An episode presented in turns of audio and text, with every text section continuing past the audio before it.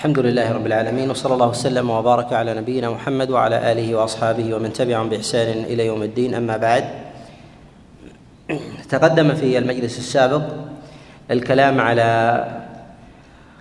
طلاق المرأة المفوضة وكذلك أيضا تكلمنا على شيء من المسائل المتعلقة كذلك بالمهر وكذلك متعة متعة الطلاق. نتكلم في هذا المجلس بإذن الله عز وجل على الآية التي تليها بقول الله عز وجل وإن طلقتموهن من قبل أن تمسوهن. بين الله سبحانه وتعالى في هذه الآية حكما تاليا للحالة الأولى وذلك أن المرأة إذا طلقت أن المرأة إذا طلقت قبل المسيس أن لها أن لها حالين.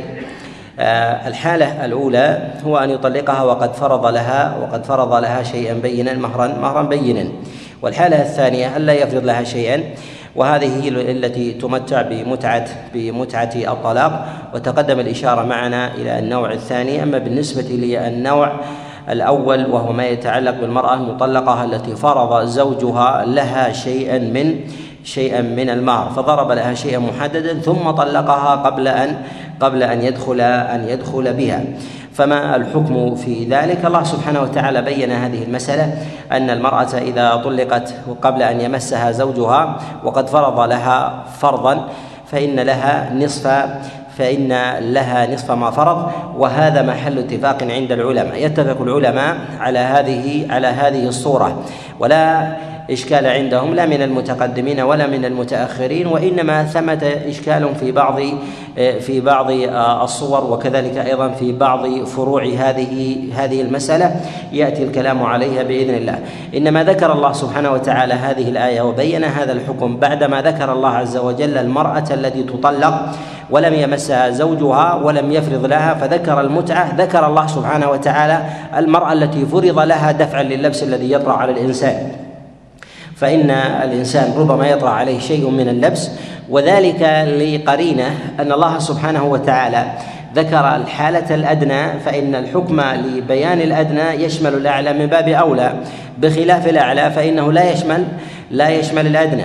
والأعلى في ذلك هو ما يتعلق بالمرأة التي فرض لها فرض لها شيء. فإن الله سبحانه وتعالى فإن الله جل وعلا قد جعل لها لها النصف. فذكر الله سبحانه وتعالى ما يتعلق بهذه المرأة التي فرض زوجها لها فإن لها نصف المهر إذا إذا إذا لم يمسها. وتقدم معنا الإشارة أيضا إلى أن المهر إلى أن المهر تستحقه الزوجة بأمرين. الأمر الأول أن بالمسيس الأمر الثاني بالفرض. إذا فرض زوجها لها فإنها تستحق النصف إذا طلقها قبل وإذا طلقها بعد فإن لها المار المعين. وإذا مسها فإن لها ذلك المار إذا لم يسمى إذا سمي وإذا لم يسمى فلها مهر. المثل وهذا وهذا أمر أمر معلوم. ذكر الله سبحانه وتعالى هذا النوع وهو الأغلب. وتقدم معنا أن القرآن يبين الأحكام يبين الأحكام تارة نادرة الوقوع ويصدرها على غيرها أو قليلة الوقوع ويؤخر الكثيرة. وهذا لعلة أن قليل الوقوع يقع فيه اللبس. قليل الوقوع يقع فيه يقع فيه اللبس. وأما كثير الوقوع فإن الناس تتداعى وتشتهر أحكامه.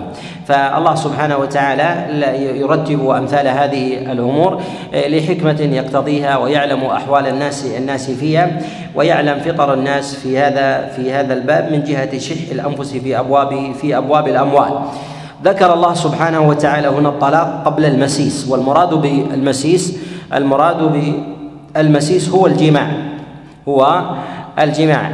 هذه العبارة تقدم أن الله عز وجل يذكر المسيس ويذكر الملامسة ويذكر الجماع ويذكر الوضع ويذكر ويذكر النكاح ويذكر يذكر الله عز وجل الوطأ والوطر وهذه كنايات عن كنايات عن آه، عن آه، وطئ المرأة وجماعها. والله سبحانه وتعالى هنا ذكر ذكر المس. هل يدخل في هذا الباب خلوة الرجل بامرأته من غير مس. هل تستحق بهذه الخلوة؟ المهر كامل. هذا من مواضع الخلاف عند العلماء. هذا من مواضع الخلاف عند العلماء. ذهب جمهور العلماء إلى أن الخلوة موجبة للمهر كاملا الذي يسمى أن الخلوة موجبة للمهر. كاملا. ولكن يختلف الفقهاء في هذا في تقدير الخلوة في تقدير الخلوة. منهم من يقول إذا خلا بها وإذا خلا بها آه، وأرادها فإنه يتمكن من ذلك وإذا لم يتمكن من ذلك فإنها لا تسمى خلوة. والعلماء عليهم رحمة الله تعالى يعتدون بمصطلح ويتفقون عليه حد أعلى ولكن يختلفون يختلفون في الأدنى يختلفون في الأدنى وكذلك يتفقون في زمن ويختلفون في زمن من جهة من جهة الخلوة. وهذا من المواضع التي التي هي من من أمور الاجتهاد. منهم من يقول مثلا اليوم والليلة ومنهم من يقول مثلا آه، الساعة وغير ذلك. هذه فيما أرى من جهة الزمن لا حاجة إليها. ألا حاجة ألا حاجة إليها. وأن العبرة في ذلك أن يخلو الرجل بامرأة لو أراد أن يمسها لمسها ثم لم يتمكن من ذلك فإن هذا الأمر يدخل في هذا في هذا الباب يدخل في هذا الباب. ذهب إلى هذا جمهور العلماء ذهب إلى هذا جمهور جمهور العلماء. وهذا قول الإمام مالك وقول أبي حنيفة وكذلك أيضا الشافعي في قول له وهو قول الإمام أحمد عليه عليه رحمة الله.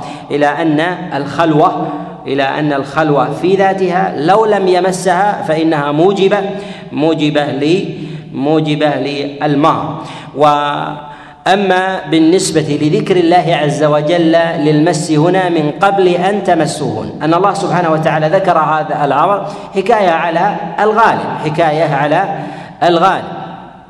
وأما بالنسبة للقول الثاني فذهب إليه الإمام الشافعي رحمه الله في قوله الجديد. وجاء هذا أيضا عن بعض أصحاب رسول الله صلى الله عليه وسلم. جاء عن عبد الله بن عباس. قد جاء من حديث الليث بن أبي سليم عن طاووس بن كيسان عن عبد الله بن عباس. وهذا إسناد فيه ضعف لكن جاء معناه من وجه آخر عند ابن جرير الطبري من حديث علي بن أبي طلحة عن عبد الله بن عباس أنه قال ب قال بأن الخلوة لا لا لا توجب المهر حتى يطأها.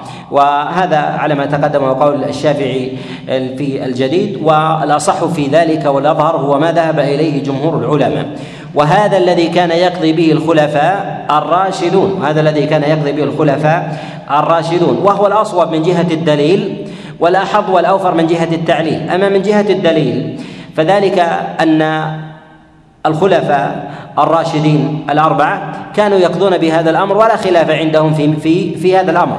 فقد صح ذلك عن عمر بن الخطاب كما رواه البيهقي آه، في كتابه السنن.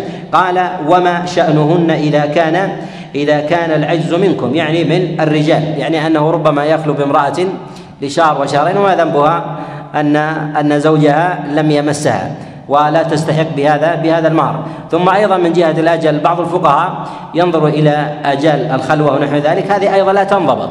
هذه لا لا تنضبط. ثم الأمر الآخر أن إذا قلنا بعدم المس ربما الزوجة تبقى عند زوجها سنة وعشر سنوات ولا يمسها لا يمكن هذا؟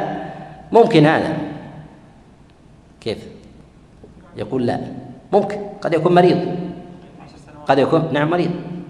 ألا يمكن؟ ترضى به ويرضى بها. ترضى به ويرضى ويرضى بها. ألا يرد هذا؟ يرد. من عالج مثل هذه القضايا أو أو يستفتى في مثل هذه القضايا أو عمل قاضيا ترد عليه قضايا كثيرة مثل هذا مثل هذا الجنس. ولهذا نقول إن مثل هذا الأمر إذا لم يعلق به مهر هذا أمر أمر لا يأتي من جهة من جهة التعليل. لا يمكن أن زوجة تبقى مع زوجها عشر وعشرين سنة ثم يربط المهر بمس. يربط المهر بمس ولهذا نقول إن مثل هذا الأمر فيه فيه ما فيه. ثم أيضا أن الأمر لو ربط بمس وقام العذر في الزوجين كالشيوخ. قد يتزوج رجل عمره سبعين من عجوز عمرها سبعين. إذا لا يكون ثمة مهر لأنه لا مثلا لا يوجد مثلا مس. أو شيخ كبير عاجز مثلا عمره تسعين أو مئة تزوج امرأة فعلى هذا لا يكون له لها لها من جهة مهرها إلا إلا النص هذا من جهة التعليل. يؤثر على كثير من المسائل. يؤثر على كثير من المسائل. ليس كذلك؟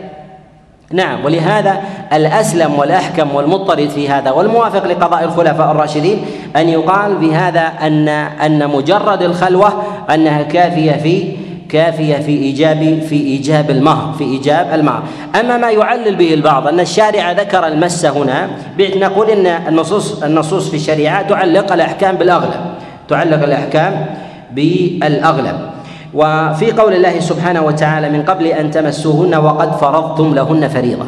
تقدم في الآية السابقة ما يتعلق بالحكم أن الرجل إذا طلق زوجته ولم ولم يمسها ولم يفرض ولم يفرض لها ولم يفرض لها. هنا ذكر أنه فرض لها أنه فرض لها شيئا مقدرا. فرض لها شيئا شيئا مقدرا. فهذه الصورة اختلفت عن الصورة الأولى بالفرض أنه ثمة شيء محدد. أنه ثمة شيء شيء محدد. هذا على ما تقدم أن هذه لها لها النصف. هذه لها النصف. وهل هذا محل اتفاق عند العلماء؟ نقول إذا كان تحديد المهر إذا كان تحديد المهر في العقد في العقد يعني ابتداء فإن هذا محل اتفاق عند العلماء ولا خلاف عندهم من السلف ومن قول أيضا الأئمة الأربعة لا يختلفون على هذا أن للزوجة أن للزوجة نصف المار إذا طلقها زوجها قبل أن يمسها. وأما إذا كان تحديد المهر بعد العقد بمعنى أنه عقد عليها في أول الشهر ثم لم يضرب لها شيئا معينا ثم ضرب لها في نصف الشهر قبل دخوله ثم طلقها بعد بعد ذلك وهذا وهذا يحدث. هذا قد اختلف فيه العلماء على قولين. اختلف فيه العلماء على على قولين. القول الأول ما ذهب إليه جمهور العلماء وهو قول الإمام مالك والشافعي والإمام أحمد وكذلك قول أبي حنيفة في رواية وذهب إليه أيضا أصحاب أبي حنيفة محمد بن الحسن وكذلك أيضا ذهب إليه أبو يوسف إلى أن المهر لازم بالنصف إذا طلقها فرض لها في العقد أو فرض لها فرض لها بعد العقد شريطة أن يكون ذلك قبل الطلاق. أن يكون ذلك قبل قبل الطلاق. وإذا طلقها ثم فرض لها شيئا بعد طلاقه كأن يطلقها مثلا أن يعقد عليها السبت ثم يطلقها مثلا الاثنين ثم يقول إنني قد بيت مثلا في نفسي أو تستحقين ألفا أو ألفين فهذا ضرب وقع بعد الطلاق وقع بعد الطلاق فلا عبرة به فلا عبرة فلا عبرة به. وأما من جهة التبرع والتطوع فهذا باب آخر. وأما من جهة فرض الشريعة فإن المطلق لا يجب عليه في مثل ذلك إلا ما فرض لها قبل قبل طلاقه. والقول الثاني ذهب إليه أبو حنيفة رحمه الله وقيل إنه رجع عنه إلى أن الع... إلى أن فرض المهر بعد العقد أنه ليس ليس بمعتبر ولا ولا بملزم ولا يوجب للمرأة النصف إذا طلقها قبل قبل أن أن يمسها. وهذا قول ضعيف. وأما ضعفه في فإن ظاهر الآية يخالفه وذلك أن الله عز وجل يقول من قبل أن تمسوهن وقد فرضتم وقد فرضتم لهن فريضة. يعني هذا في موضع حال في قوله وقد فرضتم. يعني فرضتم متى؟ فرضتم قبل الطلاق. فكل وقت قبل الطلاق فهو داخل في هذا في هذا الباب. فإذا نزل الفرض فرض المهر في مثل هذا الموضع فإنه يلزم يلزم الزوج بأن يدفع للمرأة نصف نصف المار وهذا ظاهر ظاهر الآية. وأما بالنسبة لضعفه من وجه آخر أن أبا حنيفة عليه رحمة الله فرق بين بين العقد وبين وبين فرض فرض المهر. بين بين العقد وبين فرض فرض المهر. والفيصل في ذلك من جهة الإلزام والشروط وغير ذلك. أبو حنيفة رحمه الله يرى أن الشروط التابعة للعقد إذا اتفق عليها الطرفان بعد العقد فإنها ملزمة فإنها ملزمة ما لم ما لم يكن ثمة شيء داخل في في بعد بعد النكاح. فهذا لا يلتزم فيه من جهة العقد بحيث يربط به فساد العقد أو أو صلاحه. فهو يرى يرى هذا. فكل شيء تم الاتفاق عليه. لا يصح العقد من جهة الأصل إلا به وذلك كالمهر. فسواء سمي في موضع العقد أو سمي بعد ذلك فإنه لا فإنه لا يضر هذا تأخر الزمن أو أو تقدمه بهذا بهذا الباب. ولهذا نقول إن القول بعدم وجوب نصف المهر للزوجة إذا فرض لها بعد العقد هو قول قول ضعيف ولم يذهب إليه كبير أحد من السلف. ولم يذهب إليه كبير أحد من من السلف. وهنا مسألة وهي تتعلق ب الخلوة التي تكون بين الزوج والزوجة آه، التي لا لا تعتبر بعض العلماء يقيد الخلوة خلوة ما يحرم معها المس وخلوة يجوز معها المس. الخلوة التي يحرم معها المس كأن يكون يكون الرجل أو المرأة في إحرام محرمين. أو أحدهما. أو كذلك أيضا أن يكون الرجل أو المرأة في صيام فرض لا ينقض. في صيام فرض لا ينقض. أن مثل هذا لا يتحقق معه المس الذي ذكره الله سبحانه وتعالى. قالوا فمثل هذا فمثل هذا الأمر فإنه لا يعد لا يعد خلوة. ومنهم من ذكر أيضا بعض الصور إذا كان أحدهما مريضا. إذا كان أحدهما مريضا مثله لا لا يمس. ولا يمس. قالوا فإن هذه الخلوة لا لا تعتبر. مثل هذه الخلوة لا لا تعتبر لوجود العجز أو المانع والحائل من من المس. ذهب إلى هذا جماعة من الفقهاء. ذهب إليه أبو حنيفة رحمه الله وأشار إلى هذا المعنى الإمام الأوزاعي عليه رحمة الله. قال إذا كانت الخلوة ولو طالت إذا كان ثمة شيء من المانع الشرعي أو المانع الطبعي فإنه لا اعتبار بتلك الخلوة حتى حتى يزول السبب. حتى يزول في ذلك في ذلك السبب. ومن العلماء من لا يعتد بشيء من هذا قال ما وجدت في ذلك الخلوة؟ قالوا لأن الشارع إنما ذكر هذا إنما ذكر هذا لاختيار الإنسان بأمر الخلوة باختيار الإنسان بأمر الخلوة أن يجعلها في حرام أو في حلال أو في صيام أو في غيره. واختياره له في مثل هذا الموضع لا يسقط الحق الواجب للزوجة بمثل هذا بمثل هذا الأمر. والله سبحانه وتعالى قد بين الحكم على سبيل الإجمال والحكم يلحق فيه بمجرد ورود الخلوة. إذا نفينا اعتبار المس وإن وأنه إنما إنما ذكر لي للأغلب أنه ذكر لي للأغلب. وقول الله سبحانه وتعالى وقد فرضتم لهن لهن فريضة فنصف ما فرضتم. تقدم أن هذا محل اتفاق عند العلماء. أن هذا من جهة الأصل محل اتفاق عند العلماء أن للمرأة مهر أن للمرأة نصف المهر. إذا إذا فرض لها وطلقها قبل وطلقها قبل قبل أن يمسها. ومن العلماء من يفسر الخلوة ويقول هي الخلوة المحرمة التي لو وجدت من الإنسان التي لو وجدت من الإنسان لا أثم لا أثم. وسواء كان ذلك في بيته أو في بيت أهلها أو نحو ذلك قال ويتحقق بمثل هذا المهر في قوله سبحانه وتعالى إلا أن يعفون أو يعفو الذي بيده عقدة النكاح. ذكر الله عز وجل العفو هنا في هذين آه، الموضعين ويعفون هنا ابتداء. قيل المراد بذلك الأزواج المراد بذلك هن الأزواج. وهذا ظاهر وهذا الذي ذهب إليه عامة عامة المفسرين من السلف. جاء هذا عن عبد الله بن عباس وسعيد بن المسيب وعكرمة مجاهد وكذلك الحسن وإبراهيم النخعي وجاء عن غيرهم. ولا يعلم لهم مخالف في هذا إلا ما جاء عن محمد بن كعب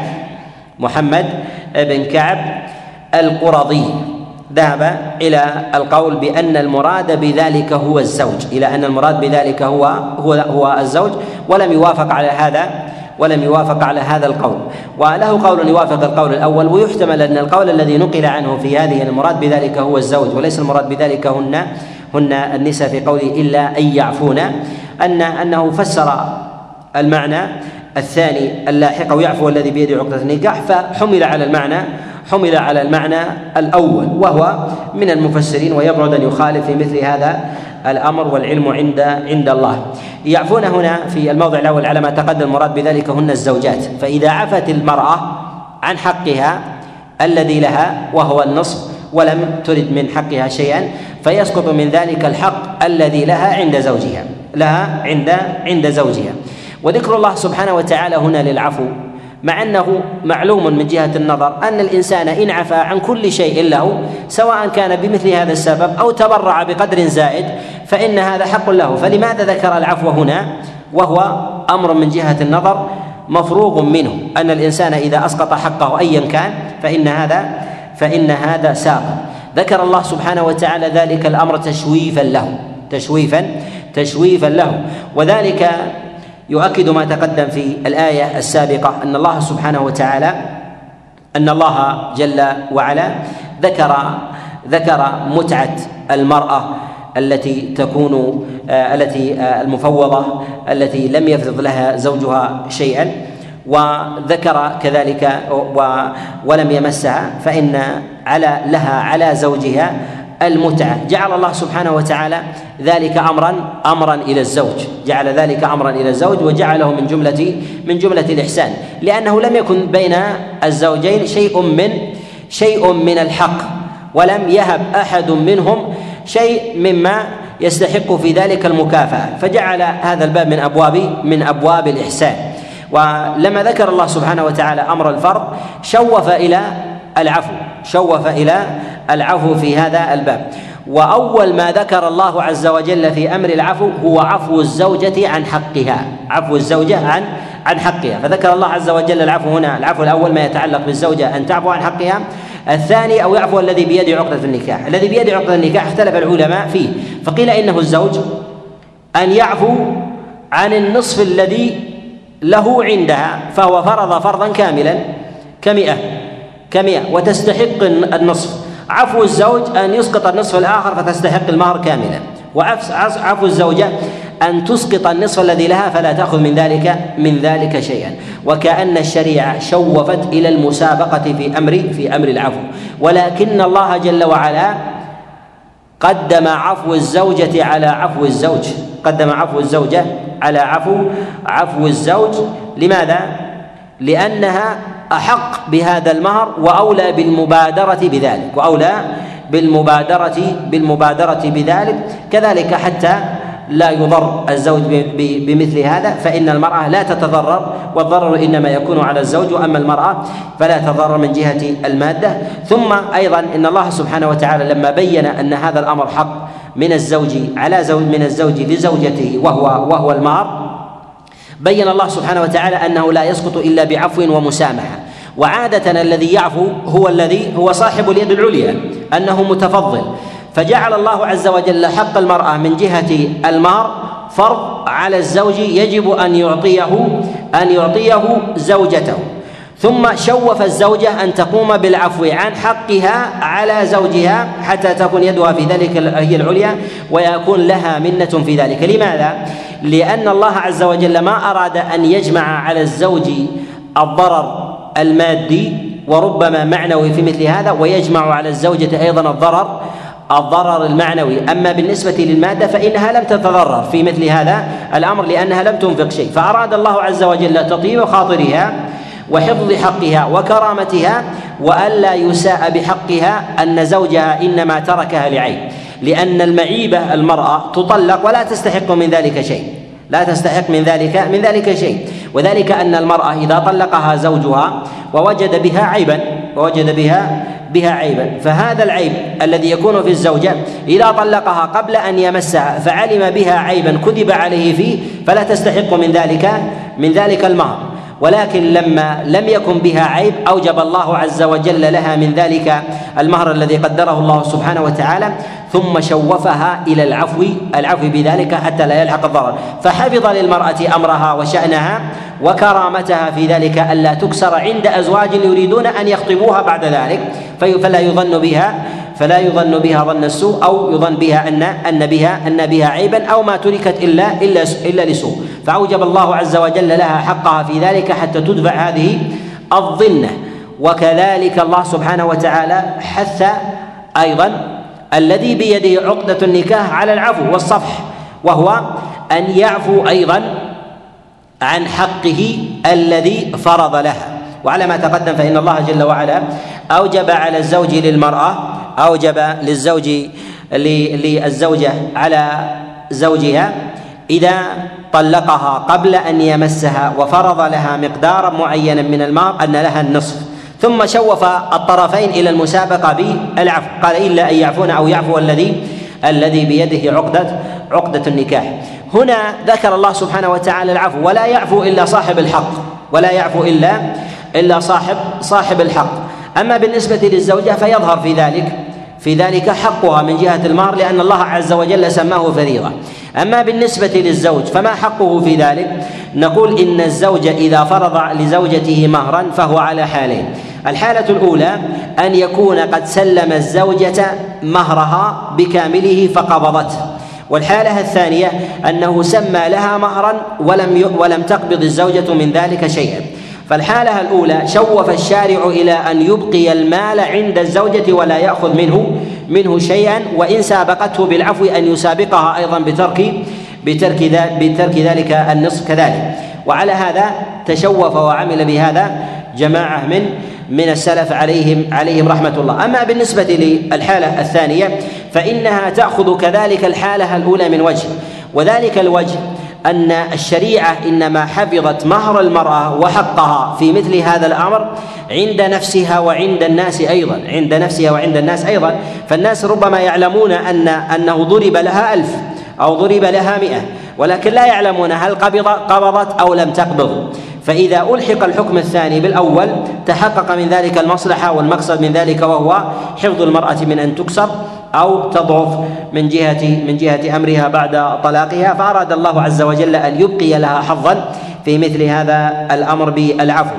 في قول الله جل وعلا أو يعفو الذي بيده عقدة النكاح. اختلف العلماء في المراد بالذي بيده عقدة النكاح على قولين على قولين. القول الأول قالوا بأنه بأنه الزوج قالوا بأنه الزوج. ذهب إلى هذا جماعة ذهب إلى هذا جماعة من السلف. وهو قول عبد الله بن عباس وقول آه، شريح القاضي وذهب إليه أيضا جماعة من الفقهاء من من السلف كإبراهيم النخعي وكذلك أيضا الحسن.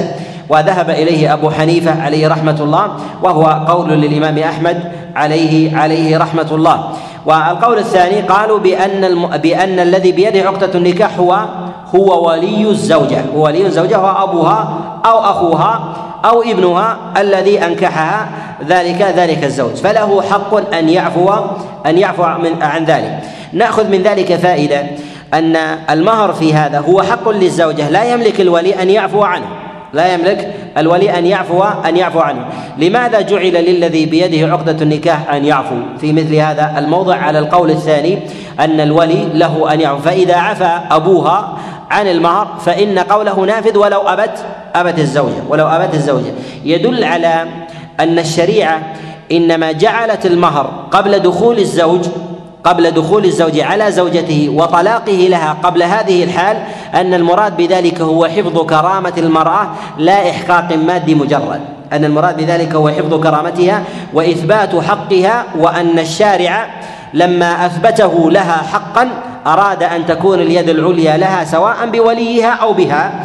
حتى يثبت الحق بعد بعد فراقهم. وهذا يظهر تلك تلك العلة تلك العلة ويتشوف إلى هذا الأمر. من من العلل في هذا الباب أن الشارع لما علق أمر العفو بيد الزوجة في قوله إلا أن يعفون قدم أمرها على وليها ثم قال أو يعفو الذي بيده عقدة النكاح وهو على أحد التأويلين أنه أنه ولي ولي الزوجة.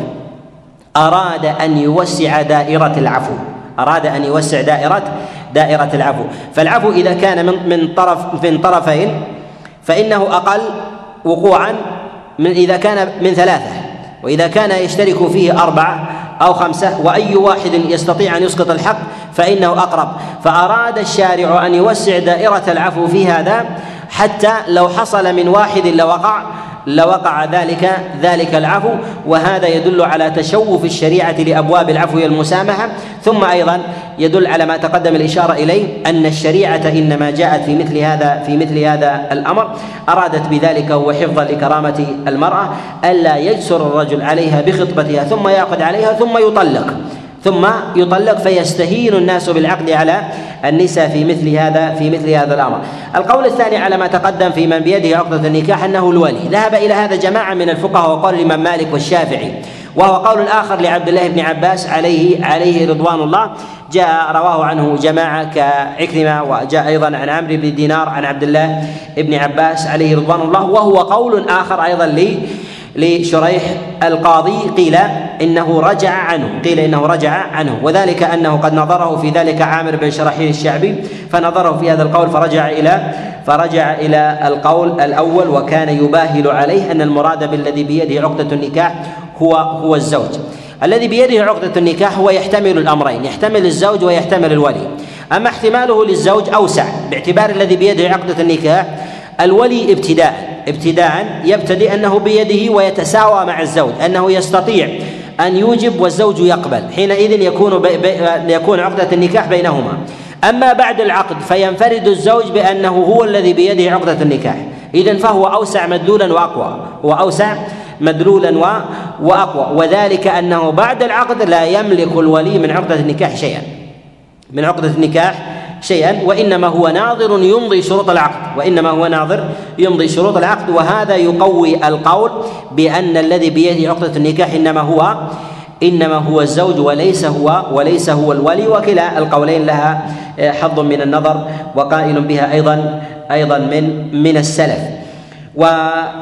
وهنا في قوله سبحانه وتعالى أعاد كلمة العفو هنا في الموضع الثالث قال وأن تعفوا أقرب للتقوى. ذكر الله سبحانه وتعالى آه، العفو حظا وحثا عليه. وتشوفا لوقوعه من آه، من هؤلاء إما أن يكون من الزوج وإما أن يكون من الزوجة أو إما أن يكون أيضا من آه، الولي على هذا على هذا المعنى توسيعا لتلك الدائرة. وذلك أن العفو لا يكون إلا من كريم. والمؤاخذة والتشديد في ذلك لا يكون إلا من لئيم جاء الشح في في نفسه وغلب عليه. ثم أيضا في هذه الآية في قول الله جل وعلا وإن تعفوا أقرب للتقوى للتقوى يعني تقوى الله سبحانه وتعالى. ألا يأخذ أحد منكم نصيب الآخر. فالمسامحة في هذا لأنه ثمة حد مشترك.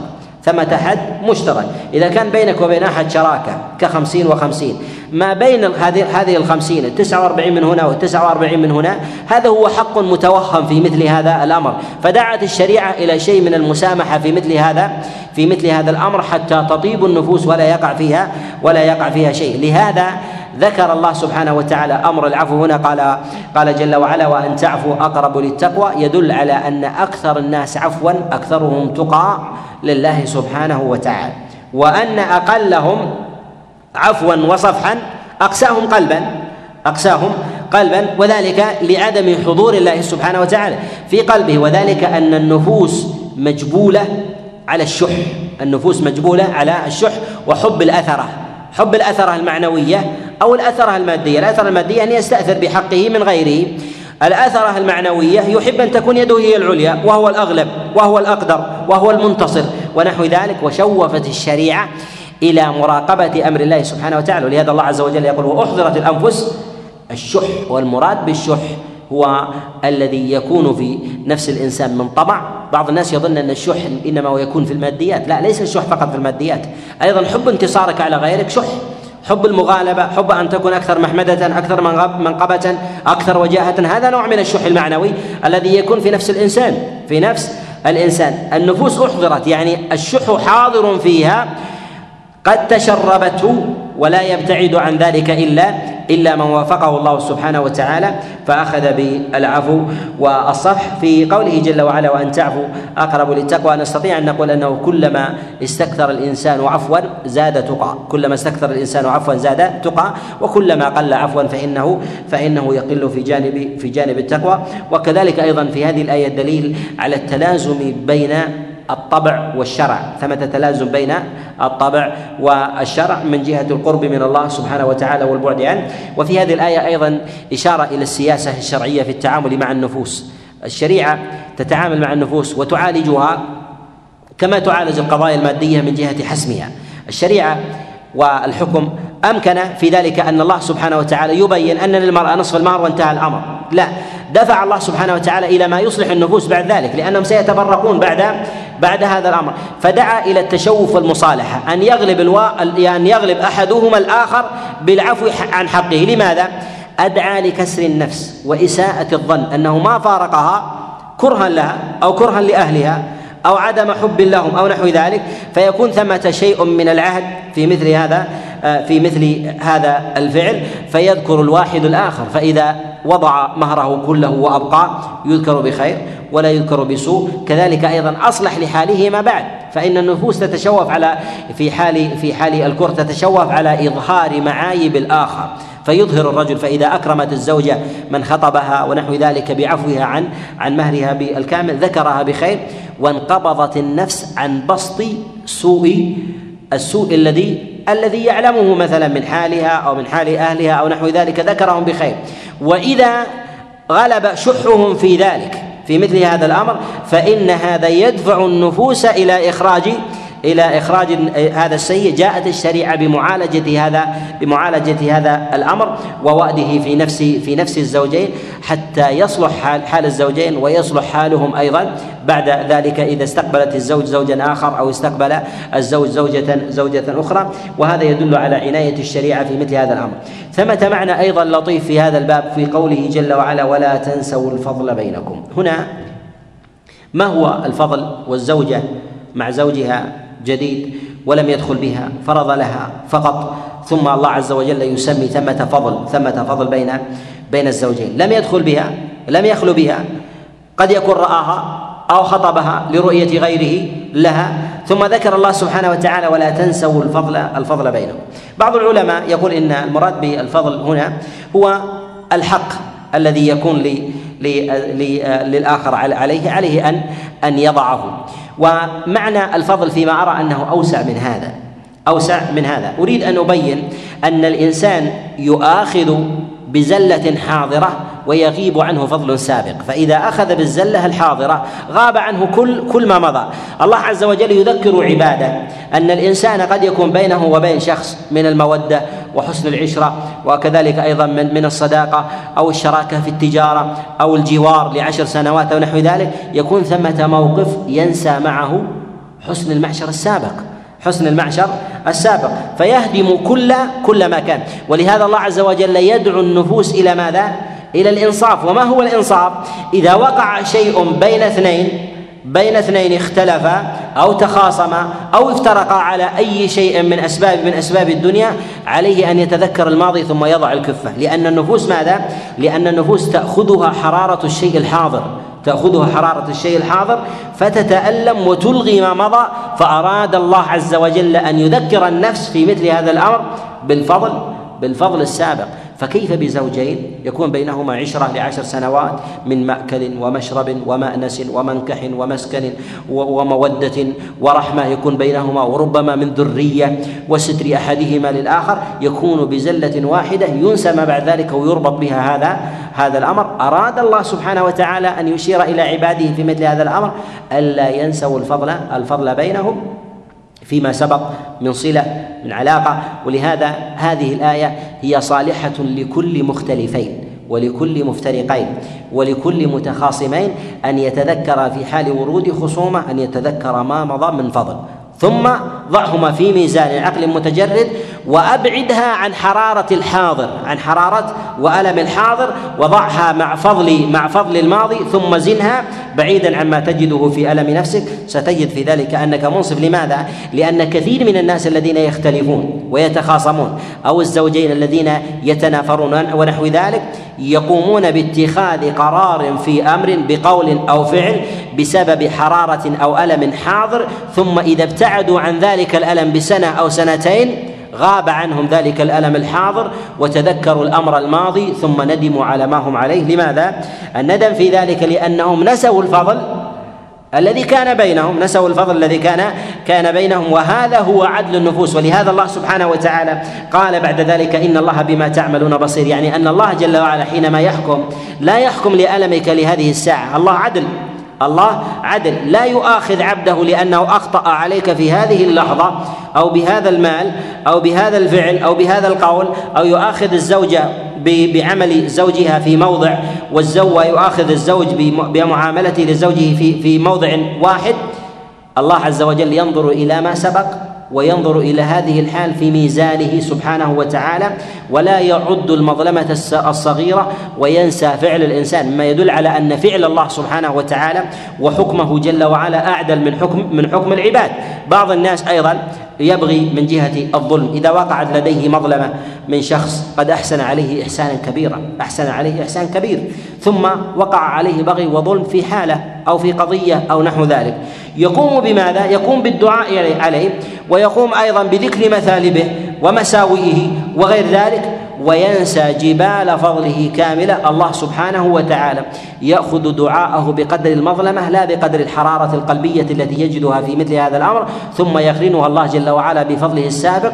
ويجد الإنسان ويكتشف أن هذا الأمر جزء يسير جدا. لهذا نقول إن الإنسان إذا أراد أن يتوازن في مواضع الخلاف ومواضع الخصومات عند من يود أو بينه وبينه صلة أن يزن الأمور الحاضرة بالأمور السابقة، الأمور اللاحقة بالأمور السابقة ينظر إليها ثم يوازنها يخرج بحكم عدل لا يندم معه ابدا، لا يندم معه لا يندم معه ابدا، الناس الذين يندمون يأخذون قرارا حاضرا لألم حاضر وينسون ما ما مضى. ثم بعد ذلك إذا ذهبت حرارة هذا الحاضر بعد سنتين فارقت زوجتي وندمت فارقت شريكي فارقت صاحبي فارقت صديقي في موقف وأنا عشرة عشر سنوات ونحو ذلك. ما الذي جعله يندم؟ أنه نسي الفضل الذي كان كان بينهم فأخذ بميزان آخر. والله عز وجل لا ينظر إليه ولهذا الله سبحانه وتعالى يقول ولا تنسوا الفضل بينكم إن الله بما تعملون بما تعملون بصير. يعني يعلم سابق أمركم ويعلم ويعلم سابق أمركم ويعلم أيضا اللاحق من أموركم. أنفسكم فعليكم أن تعدلوا مع أنفسكم. لا تظلموا ولا تبغوا لا تعتدوا على أحد وتجحفوا تغضوا الطرف عن حسنات كثيرة وتنظروا إلى إلى سيئات إلى سيئات يسيرة. كذلك أيضا فيه تشويف ما بين الزوجين أن ينظروا إلى الأمور الحسنة من الخير والفضل والإحسان الذي يكون يكون بينهم ولا يستحضر أمور السوء. وهذا فيه أيضا مغالبة لأمور القلب مغالبة لأمور القلب أن النفوس دائما تذكر السيء النفوس دائما تذكر تذكر السيء. والشيطان يحرص أيضا على تغييب الحسن. الله عز وجل هنا يريد دفع هذا هذا الأمر ويذكر بغيره. ولهذا نقول من العدل مع النفوس أن الإنسان إذا استحضر مظلمة أحد فليستحضر سيئته وعدل حسنته وعدله. فليستحضر الحسن والعدل. فإذا جاءه الشيطان فذكر السيئة فليستحضر غيرها حتى يعالج بعضها بعضا حتى يقوم الإنسان بالإنصاف. وهذا هو موضع العدل الذي لا يلقاها إلا إلا صابر وتقي ومن وفقه الله سبحانه وتعالى إلى عدل وإنصاف. نكتفي بهذا القدر. أسأل الله سبحانه وتعالى لي ولكم التوفيق والسداد والإعانة. إنه ولي ذلك والقادر عليه. وأسأله جل وعلا أن يجعلنا من أهل العفو والفضل والمسامحة والصفح. وأسأله سبحانه وتعالى أن يطهر نفوسنا وقلوبنا من شحها. إنه ولي ذلك والقادر عليه. وصلى الله وسلم وبارك على نبينا محمد.